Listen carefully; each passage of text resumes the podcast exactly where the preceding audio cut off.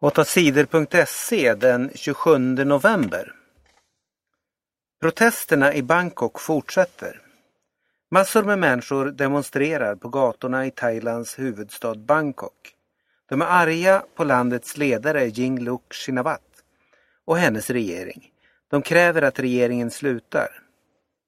Demonstranterna har tagit sig in på flera av regeringens kontor i Bangkok.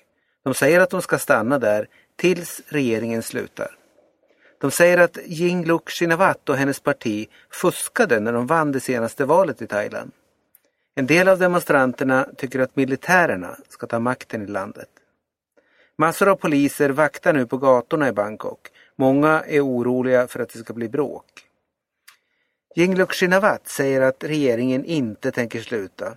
Hon har sagt åt poliserna att de ska ta fast demonstranternas ledare.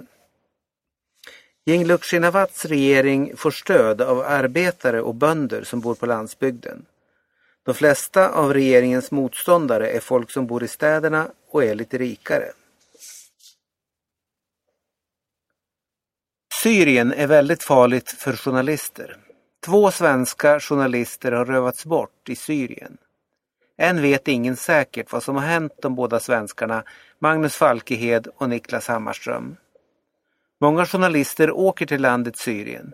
De vill berätta om kriget för läsare i andra länder. Men Syrien är ett mycket farligt land. Fler än hundra journalister har blivit dödade sedan kriget började.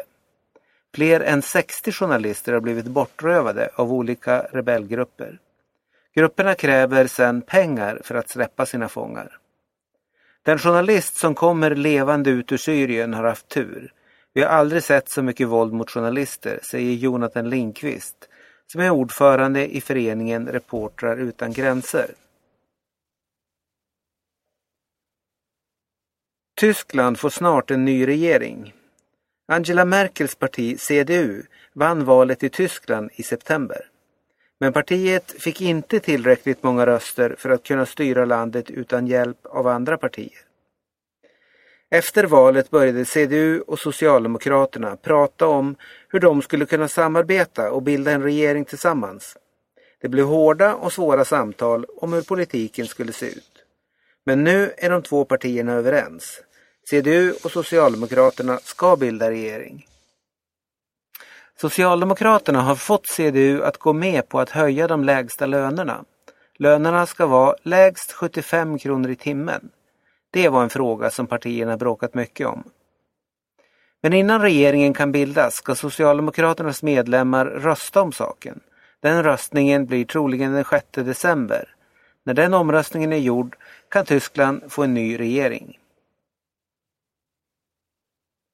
Oroliga elever binds fast i stolen.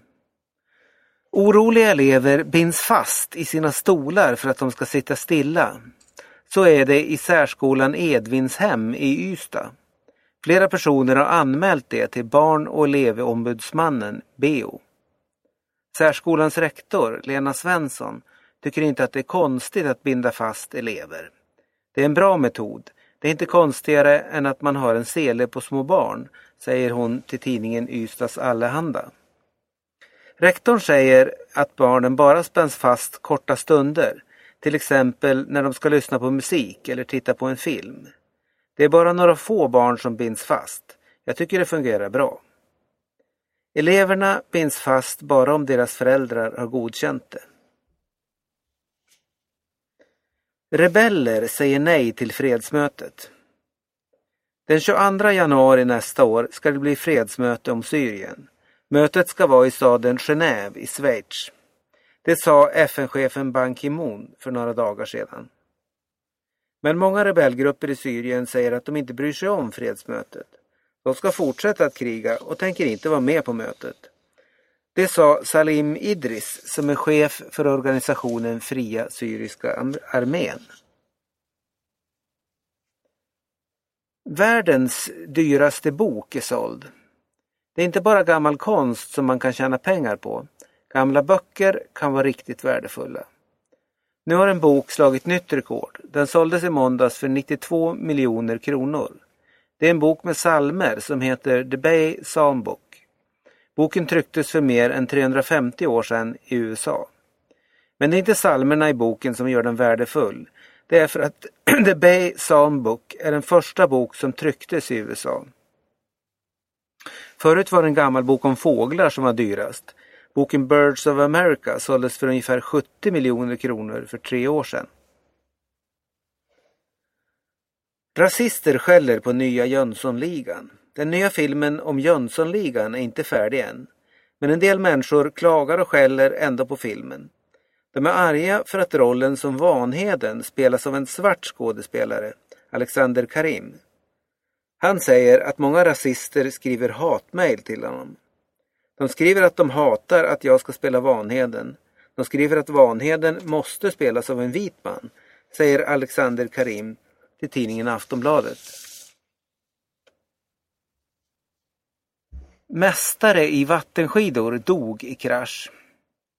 Sarah Tilov från Australien var världens bästa vattenskidåkare. I söndags ramlade hon när hon tävlade. Hon föll illa och skadade ryggen svårt. På tisdagen dog hon av skadorna. Sarah Tilov vann världsmästerskapet i hastighetsåkning för några månader sedan. Vattenskidåkarna åkte då i mer än 130 kilometers fart. Regeringen vill ha färre rovdjur i Sverige. Partierna i regeringen vill att det ska finnas mindre varg, björn och andra rovdjur i Sverige. Jägarna ska få skjuta fler djur. Regeringen tycker att det räcker med 170 till 270 vargar i Sverige. Nu finns det omkring 400 vargar i Sverige. I nästa vecka ska politikerna i riksdagen rösta om saken. Regeringens förslag ser ut att vinna. Sverigedemokraterna säger att de ska rösta ja till förslaget. Socialdemokraterna, Vänsterpartiet och Miljöpartiet tycker inte om förslaget. De partierna tycker att det är lagom många vargar och andra rovdjur i Sverige nu. Sverige har fått kritik av Europeiska unionen, EU, för att vi tillåter jakt på vargar. Fler svenska elever är duktiga på internet. Nästan alla svenska skolbarn tycker att de är duktiga på internet. Det visar en ny undersökning som gjorts bland elever på mellanstadiet. 91 procent av eleverna tycker att de är duktiga eller väldigt duktiga på internet. Förra året var det bara lite fler än hälften av eleverna som sa att de var duktiga på internet.